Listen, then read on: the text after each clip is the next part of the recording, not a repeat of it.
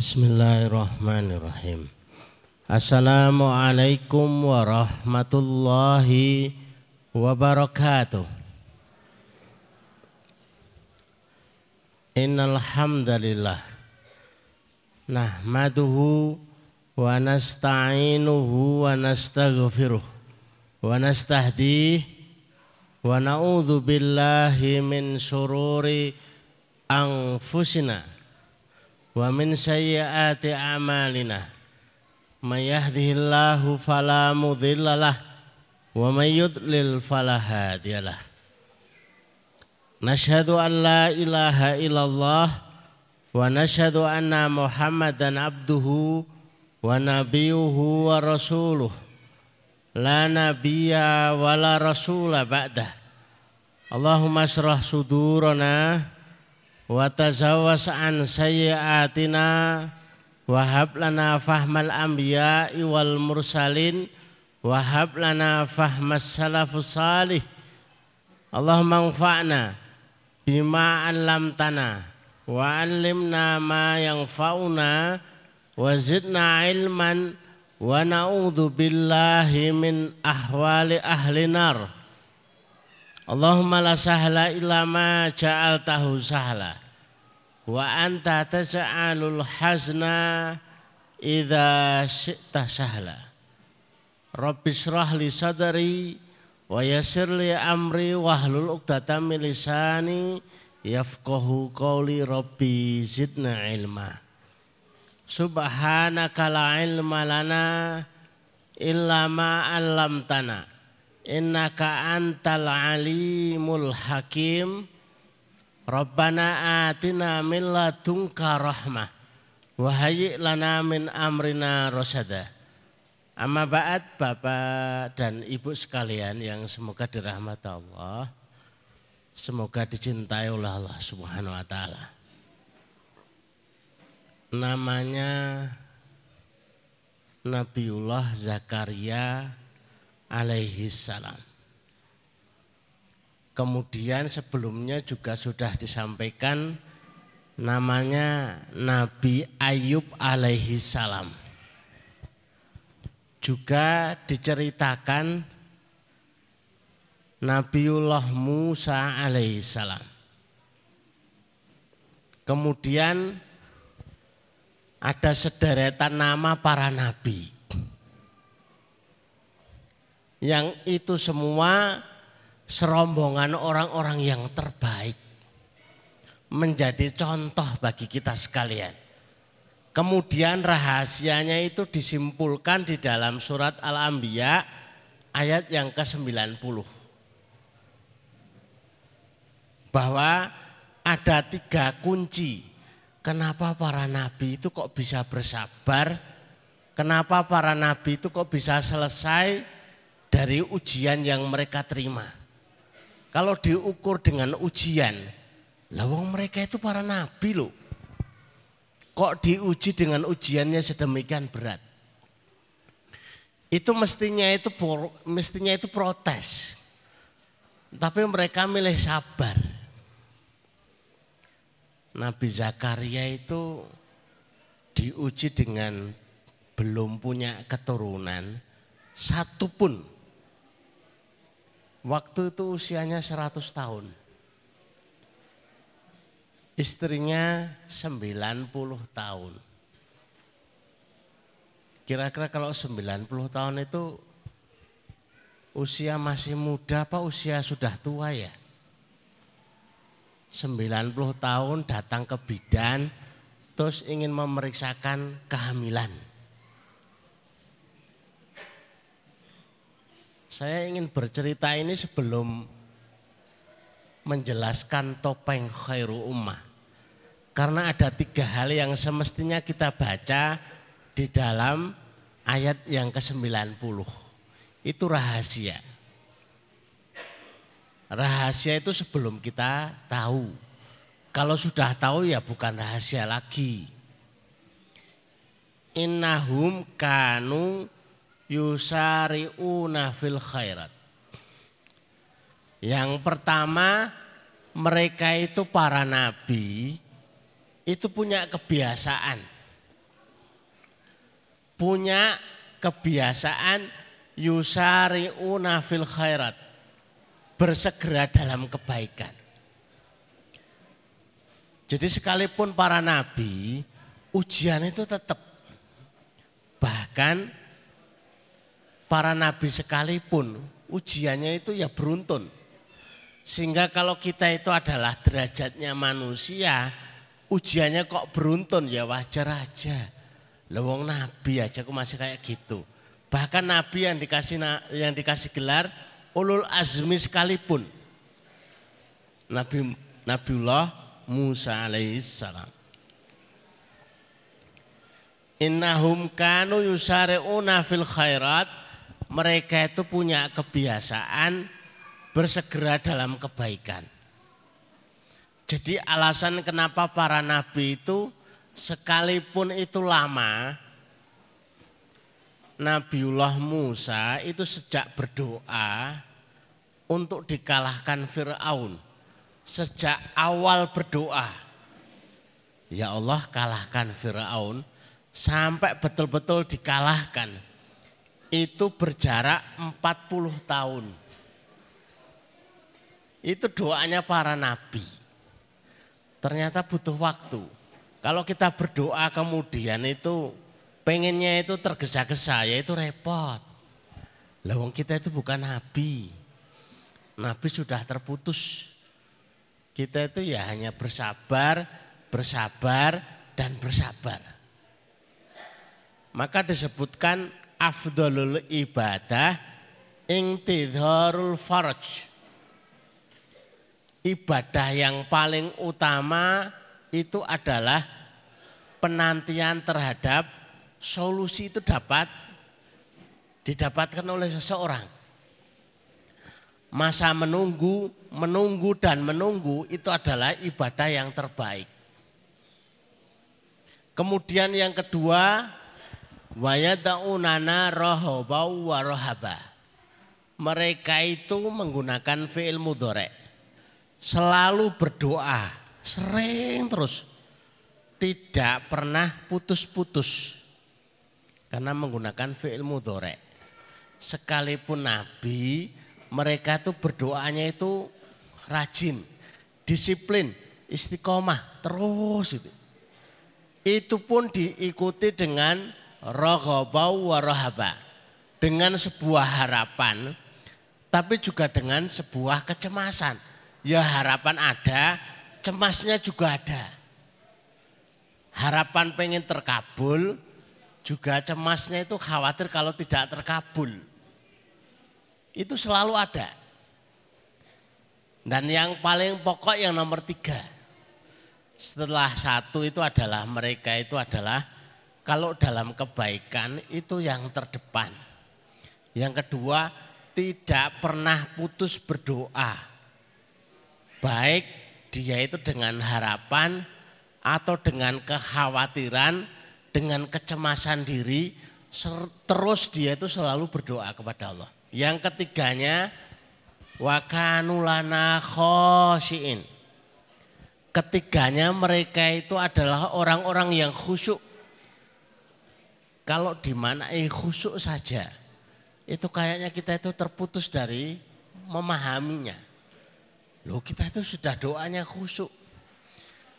Tapi kalau disebut khusyuk, dalam makna yang difahami lain, orang yang khusyuk itu maknanya adalah orang yang setia, tidak pernah putus, terus, terus, terus, dan masih istiqomah setia dengan tradisi berdoa, dengan tradisi meminta kepada Allah Subhanahu wa Ta'ala. Jadi, tiga hal yang menjadi rahasia para nabi Kenapa mereka itu dengan ujian yang panjang, mereka itu tetap setia berdoa dan mereka itu akhirnya keluar mendapatkan solusi walaupun sudah sekian lama, sekian waktu, tapi ujung-ujungnya itu menang. Endingnya itu adalah mendapatkan solusi. Itu dalam surat Al-Anbiya ayat 90. Tapi bukan itu materinya. Itu materi pembukaan. Materi prolog, masih pembukaan, mukodimah. Kalau yang kita bahas ini yang ini, yang ada di layar ya. Topeng khairu ummah. Kenapa kok disebut topeng toh? Apakah karena gambarnya itu bertopeng? Gambar itu ngikuti judul. Jadi bukan gambar itu dibuat setelah apa itu? Judul, judul ada, baru dibuat gambarnya atau gambarnya dibuat baru kemudian dibuat judul. Pertama kali itu judul dulu. Topeng Khairu Ummah. Baru setelah itu dibuat gambar.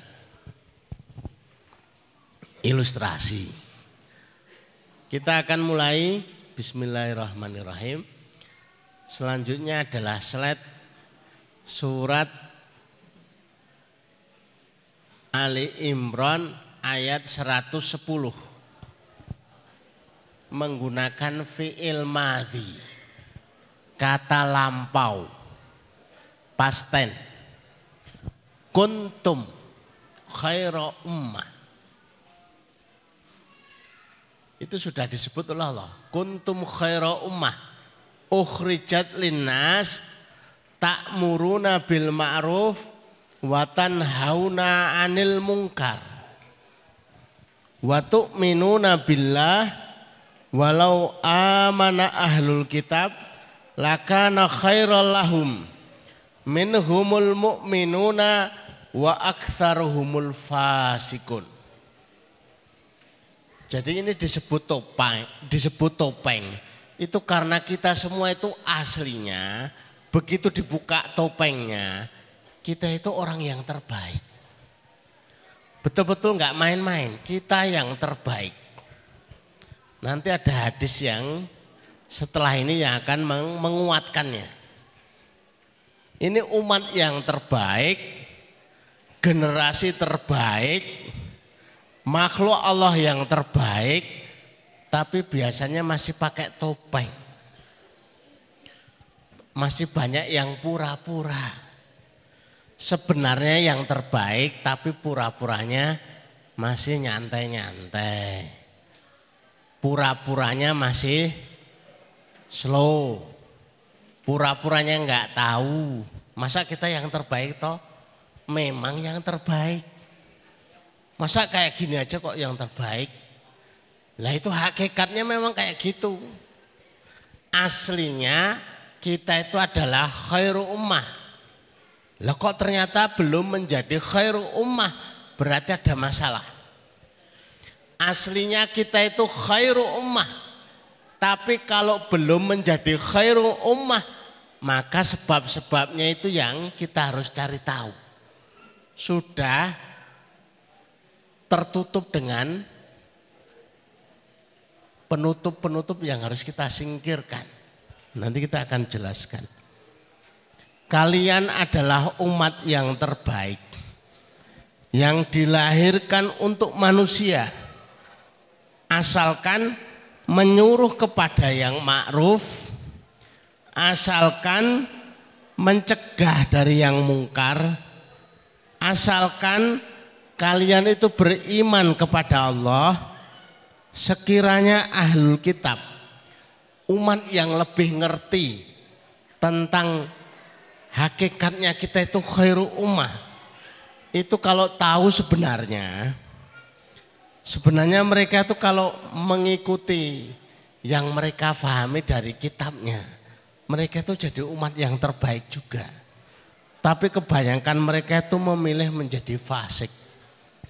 Tahu tapi pura-pura tidak tahu. Tahu tapi pura-pura bodoni. Sok tidak tahu. Pura-pura nggak ngerti. Mari kita lihat selanjutnya. Karena ini ada hadisnya. Saya buka di tafsirnya dari Nabi Shallallahu Alaihi Wasallam layat al jannata min ummati sabauna alfan betul-betul akan masuk jannah dari umatku ini 70 ribu 70 ribu. Sudah ada, bisa dibaca enggak? Ketinggalan pembuatan Bapak-Bapak, 70 ribu. Ini kelihatannya sedikit. Tapi setiap 70 ribu digandakan menjadi 70 ribu lagi. 70 ribu kali 70 ribu.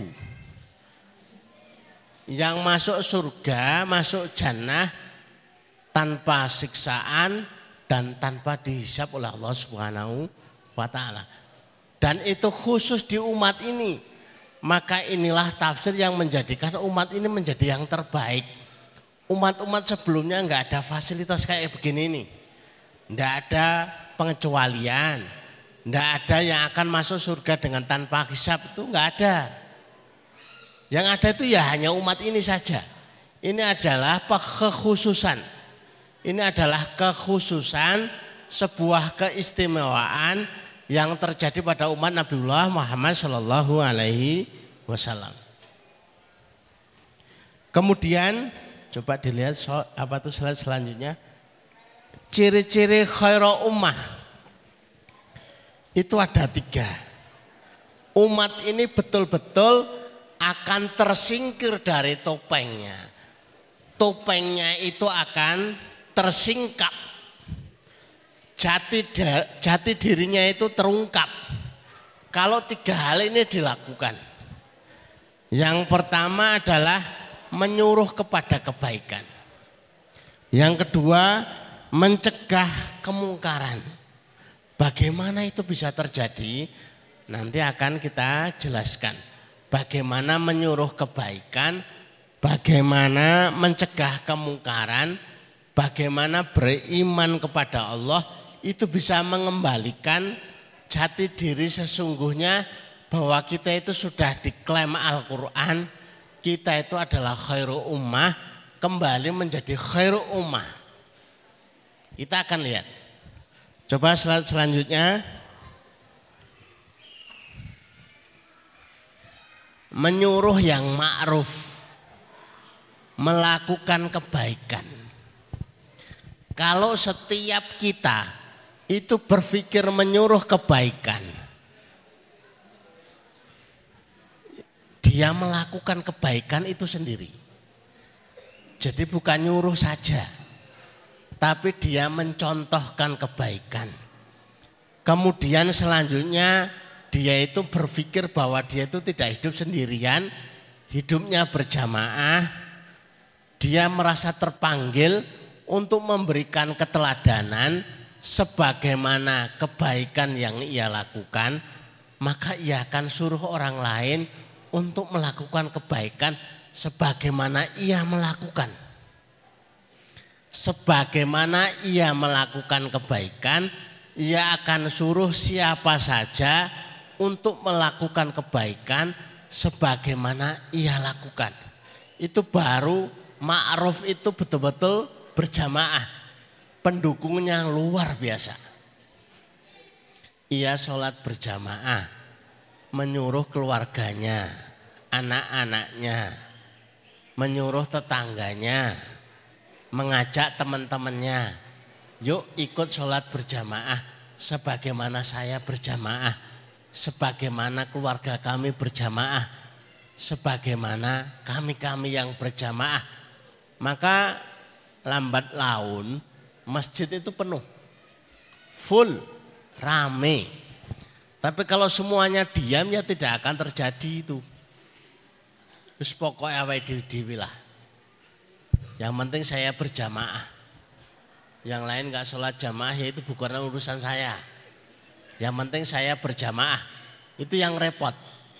Melakukan kebaikan dan mengajak siapa saja yang dekat dengannya, yang dalam jangkauan, yang memungkinkan dia untuk menyuruhnya, pembantunya, karyawannya. Coba kalau dia itu manajer perusahaan, direktur perusahaan, karyawannya ada seribu, karyawannya ada lima ribu. Kalau yang nyuruh itu seorang direktur, lakukan kebaikan sebagaimana kami melakukan kebaikan. Serentak seribu orang itu melakukan. Dia duha dua rakaat. Maka dua rakaat itu akan di copy paste menjadi seribu orang yang melakukan dua rakaat. Dua rakaat kali seribu orang. Itu kalau seribu. Kalau lima ribu, lima ribu kali dua rakaat. Ini kemudian menjadi betul-betul khairu ummah karena dia faham konsep bahwa menyuruh yang ma'ruf itu diawali dengan dia melakukan kebaikan itu sendiri, kemudian orang lain diminta melakukan kebaikan sebagaimana dia melakukan kebaikan itu sendiri. Ia merasa dia itu hidup berjamaah, tidak merasa sendirian, bukan nafsi-nafsi, bukan yang penting dirinya, tapi merasa dia itu adalah berjamaah sehingga bertanggung jawab. Orang yang bertanggung jawab merasa perlu untuk menjaga sholat jamaahnya keluarga. Hakikatnya itu menjaga jamaahnya sendiri. Orang yang menjaga kebaikan keluarga, kebaikan masyarakatnya, hakikatnya itu menjaga kebaikan dirinya sendiri. Karena kalau masyarakatnya itu enggak baik, dia sendiri ikut-ikutan nanti ketularan. Ini prinsipnya. Kemudian selanjutnya setelah ma'ruf mencegah kemungkaran. Kalau enggak suka bohong, maka dia menyuruh orang lain jangan berkata bohong. Kalau dia enggak suka melakukan kemaksiatan, diajak orang lain untuk tidak melakukan kemaksiatan sebagaimana dia tidak melakukan. Tidak melakukan kemungkaran. Itu yang pertama kali adalah dirinya. Baru kemudian ngajak-ngajak. Jangan-jangan melakukan sebagaimana yang dia yang dia lakukan. Sebagaimana dia tidak melakukan, maka ajaklah orang lain untuk tidak melakukan kemungkaran itu sendiri. Sebagaimana sahabat Ali bin Abi Thalib itu memesankan sebuah nasihat yang itu menjadi kaidah di dalam sebuah pesantren. Nafsuka ilam tusgilha fita'ah sagolat kal maksiyah. Dirimu kalau tidak disibukkan dengan ketaatan maka akan disibukkan dengan kemaksiatan. Orang yang enggak sibuk dengan ketaatan, ujung-ujungnya dia akan dipaksa melakukan kemaksiatan. Maka lebih baik kita itu sibuk dengan ketaatan, sibuk dengan kebaikan. Habis ini, habis ini ketaatan, habis itu ketaatan lagi, ketaatan lagi. Tiap hari sibuk melakukan kebaikan, sibuk melakukan ketaatan. Sehingga kemaksiatan itu tidak punya porsi, tidak berkesempatan, sudah tidak ada waktu, sudah habis semuanya sudah didominasi oleh ketaatan dan kebaikan yang sudah ada. Jadi khairu ummah itu bisa terwujud kalau yang ma'ruf itu dilakukan bersama-sama, kemudian kalau yang mungkar itu juga dicegah bersama-sama. Jangan diam. Harus bergerak, harus merasa berjamaah. Sehingga Al-Imam Asy-Syafi'i rahimallahu taala ketika turun surat Al-Asr itu menjelaskan andai kata 114 surat itu tidak turun kecuali hanya satu surat saja yaitu surat Al-Asr niscaya sudah cukup itu menjadi pegangan setiap orang karena di dalam surat Al-Asr itu di, digerakkan agar semuanya bergerak berjamaah saling mengingatkan saling menguatkan tawasau bil haq, kemudian tawasau bisober. Itu saling menguatkan, saling mengokohkan. Kalau bapak-bapak yang punya pengalaman ditanya, kalau ada pohon roboh itu biasanya itu pohon yang di dalam hutan atau pohon yang di pinggir jalan ya.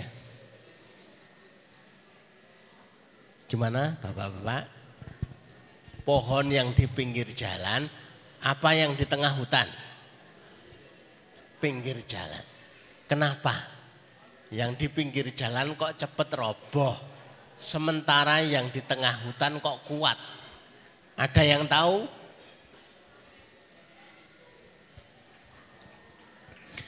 Kenapa pohon yang di pinggir jalan itu cepat roboh, sementara pohon yang di tengah hutan kok kuat?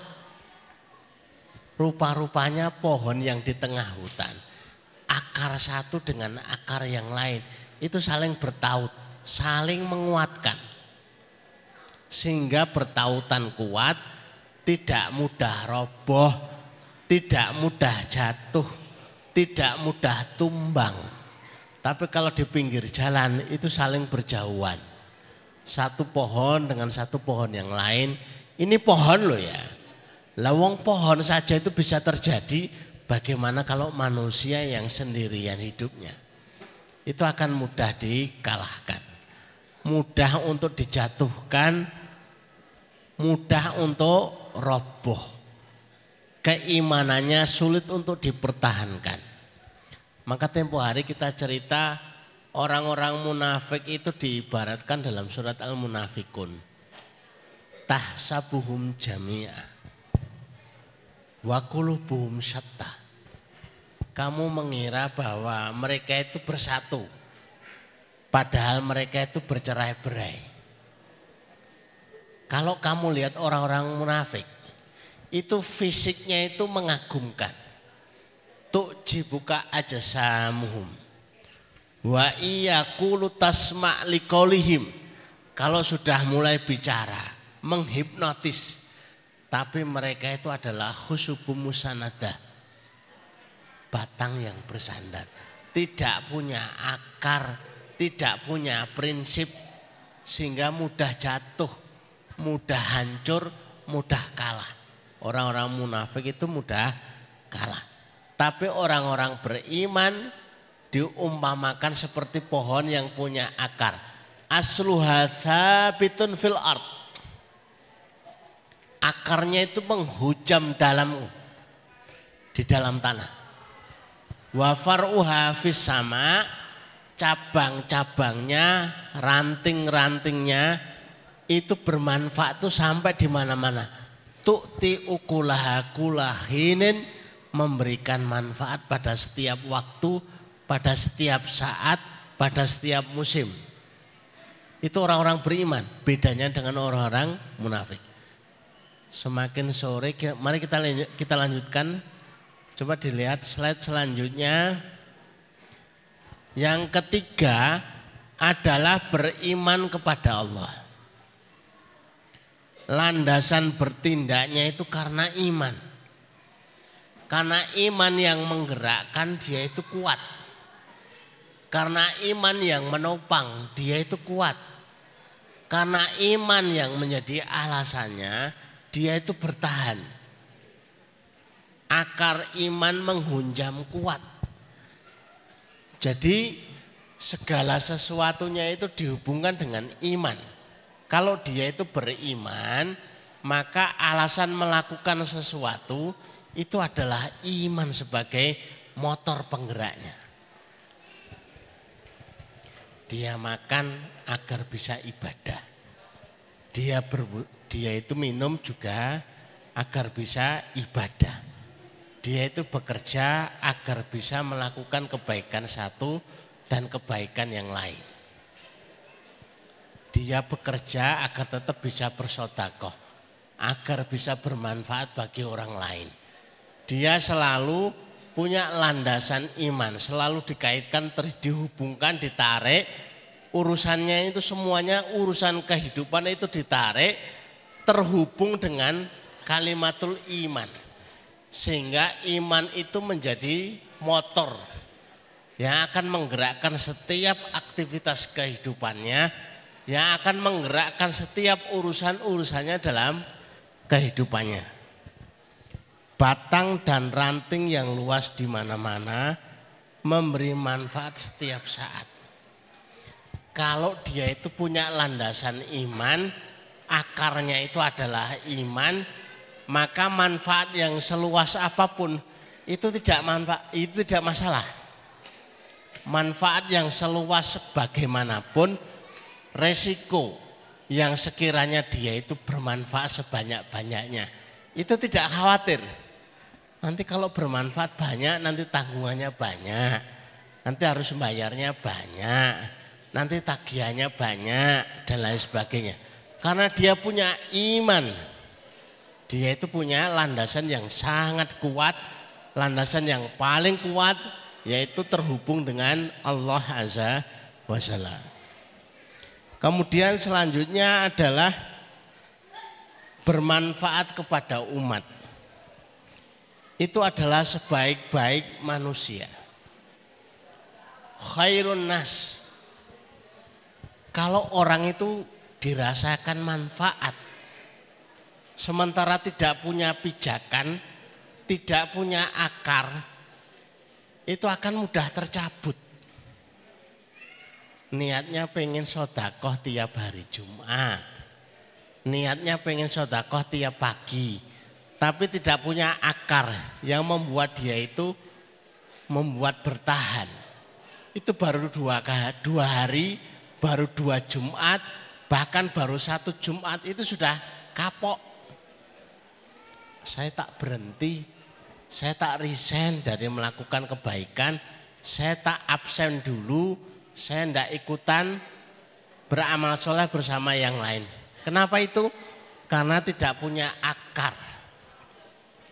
Maka kalau seseorang itu akarnya kuat, prinsipnya kuat, ilmunya kuat, akan memberikan manfaat yang luar biasa. Kenapa kita harus berburu ilmu? Kenapa harus banyak yang tahu? Kenapa harus banyak mengaji?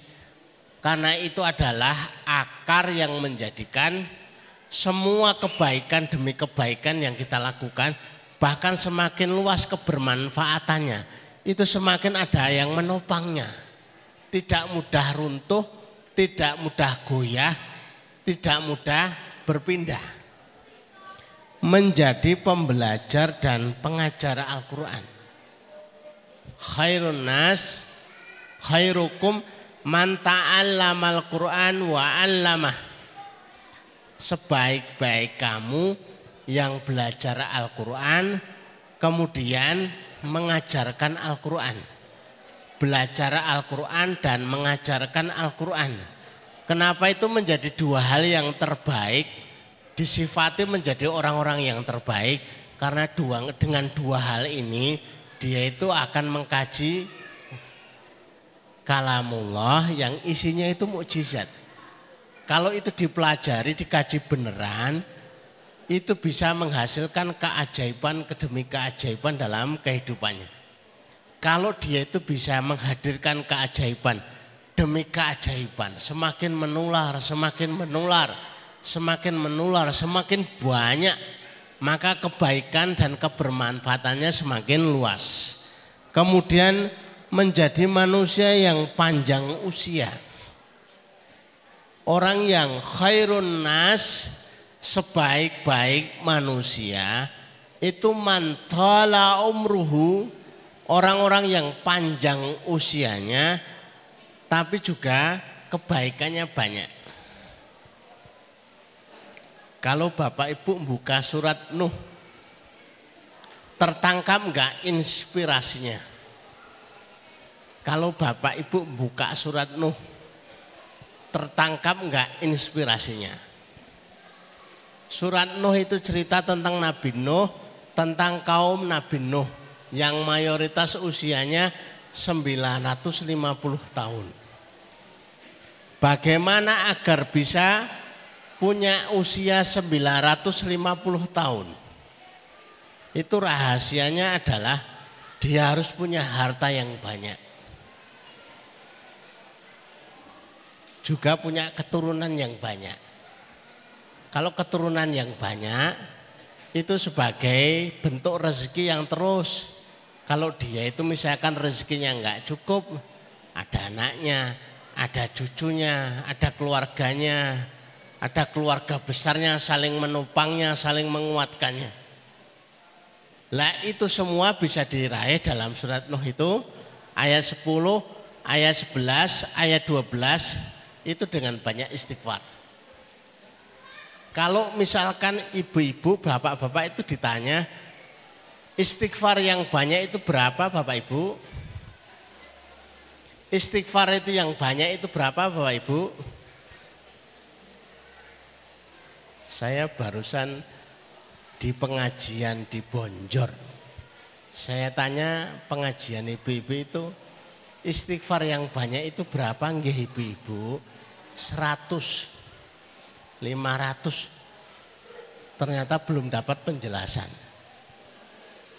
Kalau hari itu biasa, urusannya biasa, kebutuhannya biasa, dan masih statusnya biasa saja. Kalau ditanya, Pak kabarnya gimana Pak? Bapak sehat, Alhamdulillah biasa-biasa saja. Masih sehat-sehat saja. Maka itu menurut Syekhul Islam Ibnu Taimiyah, uh, Syekhul Islam Ibnu Taimiyah istighfarnya 4000. Kemudian diwariskan kepada Ibnu Qayyim Al-Jauzi. Itu istighfarnya 4000. Itu kalau statusnya biasa-biasa saja. Tapi kalau statusnya istimewa, statusnya itu luar biasa. Urusannya itu luar biasa. Ini ki hutangnya paling kata nih. Niki hutangnya buatan lunas-lunas, dereng lunas-lunas. Maka bukan 4000 tapi dirubah menjadi 10000. Mereka yang ada tanggungan, saya itu ada tanggungan 100 juta itu biasa enggak jenengan? Enggak biasa. Ini tuh istimewa banget. Ini tuh spesial banget. Ini itu urusan yang berat banget. Ini adalah tanggungan yang sangat berat. Maka panjenengan sudah mulai mengubah strategi di antara yang harus dirubah adalah sarapannya. Amunisinya. Itu dengan menambah istighfar seharinya sepuluh ribu dirubah. Jadi kalau pada subuh itu istighfar, kalau sepuluh ribu, ini ku rampungnya jaminan Bapak Ibu. Rampungnya sekitar jam 9. Ke masjid subuh, pada subuh di masjid, pulang-pulang jam 9. Alamat ibu-ibu buatan masak Alamat bapak-bapak telat kerja. Berarti harus dicari waktu yang lain kalau begitu.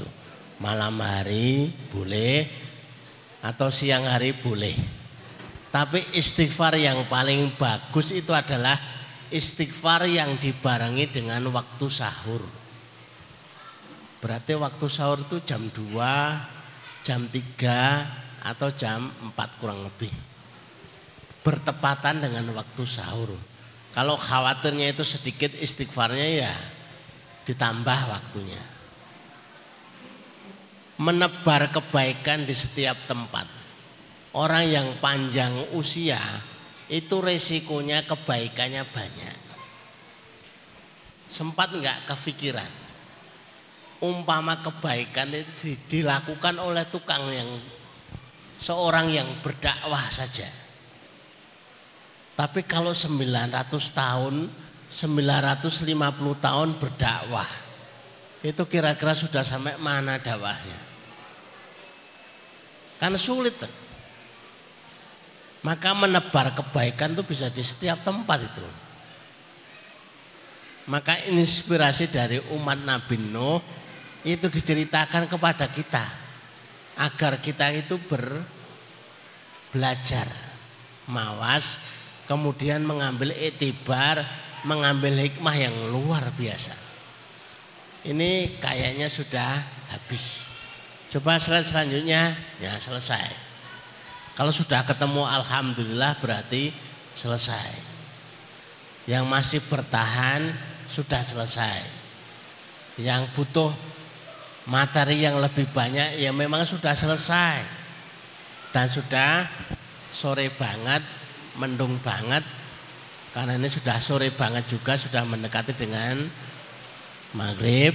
Kita tutup dengan berdoa kepada Allah Mari Bapak Ibu yang dirahmati Allah kita tata hati kita, kita siapkan pikiran kita, kemudian kita khusukkan yang menjadi munajat-munajat kita dan harapan kita.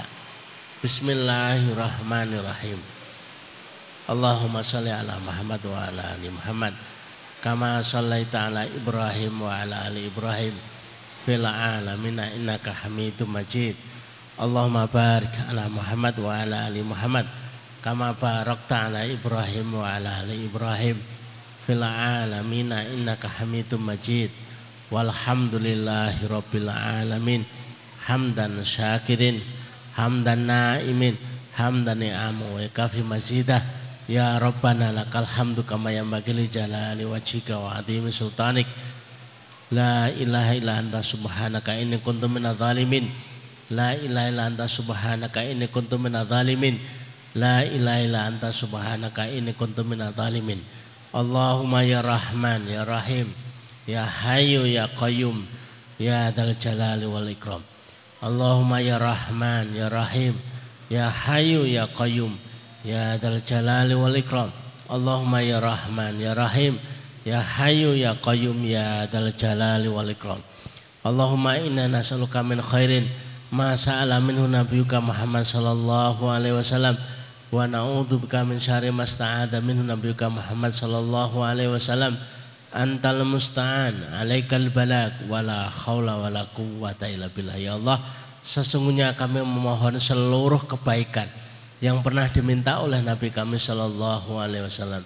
Ya Allah sesungguhnya kami meminta perlindungan yang pernah diminta oleh Nabi kami sallallahu alaihi wasallam. Antal musta'an alaikal balag Ya Allah engkaulah tempat kami meminta. Engkaulah yang menyampaikan urusan La khawla wa la quwata illa billah. Allah makfina bihalalika an haramika Wa aknina bifadlika aman siwaka. Ya Allah cukupkan kami dengan rezekimu yang halal dan kayakan kami dengan anugerahmu sehingga tidak sehingga kami tidak butuh kepada selainmu. Birahmatika ya arhamar rahimin. Allahumma inna nas'aluka amalan baran wariskan daran wa isan wa qaran. Ya Allah, anugerahkan kepada kami amalan yang baik-baik, rezeki yang mengalir dan kehidupan yang tenang, kehidupan yang baik birahmatika ya arhamar rahimin. Allahumma dhib hammana. Allahumma dhib hammana. Allahumma dhib hammana ya Allah, angkatlah kesulitan-kesulitan kami Ya Allah urailah problematika kami. Ya Allah angkatlah kesulitan demi kesulitan, kegundahan demi kegundahan kami. Birahmatika ya arhamar rahimin. Rabbana atina fid dunya hasanah wa fil akhirati hasanah wa qina adzabannar. Wa qina adzabannar. Wa qina adzabannar. Sallallahu ala Muhammadin wa ala alihi washabihi wasallam subhana rabbika rabbil izzati amma yasifun. Wa salamun alal mursalin. Walhamdulillahi rabbil alamin Demikian Bapak dan Ibu sekalian yang semoga dirahmati Allah Sekalipun kita bersemangat luar biasa Tiba waktunya kalau sudah Waktunya itu sudah mendekati maghrib Berarti ya kita yang tidak tenang Ini sudah maghrib atau belum Nah itu kan bertanya-tanya Batin-batin gitu maka kita akhiri karena sudah sedemikian gelapnya. Kita tutup dengan kafaratul majlis subhanakallahumma rabbana wa bihamdika asyhadu alla ilaha illa anta astaghfiruka wa atubu ilaik. Kurang dan lebihnya kami minta maaf. Assalamualaikum warahmatullahi wabarakatuh.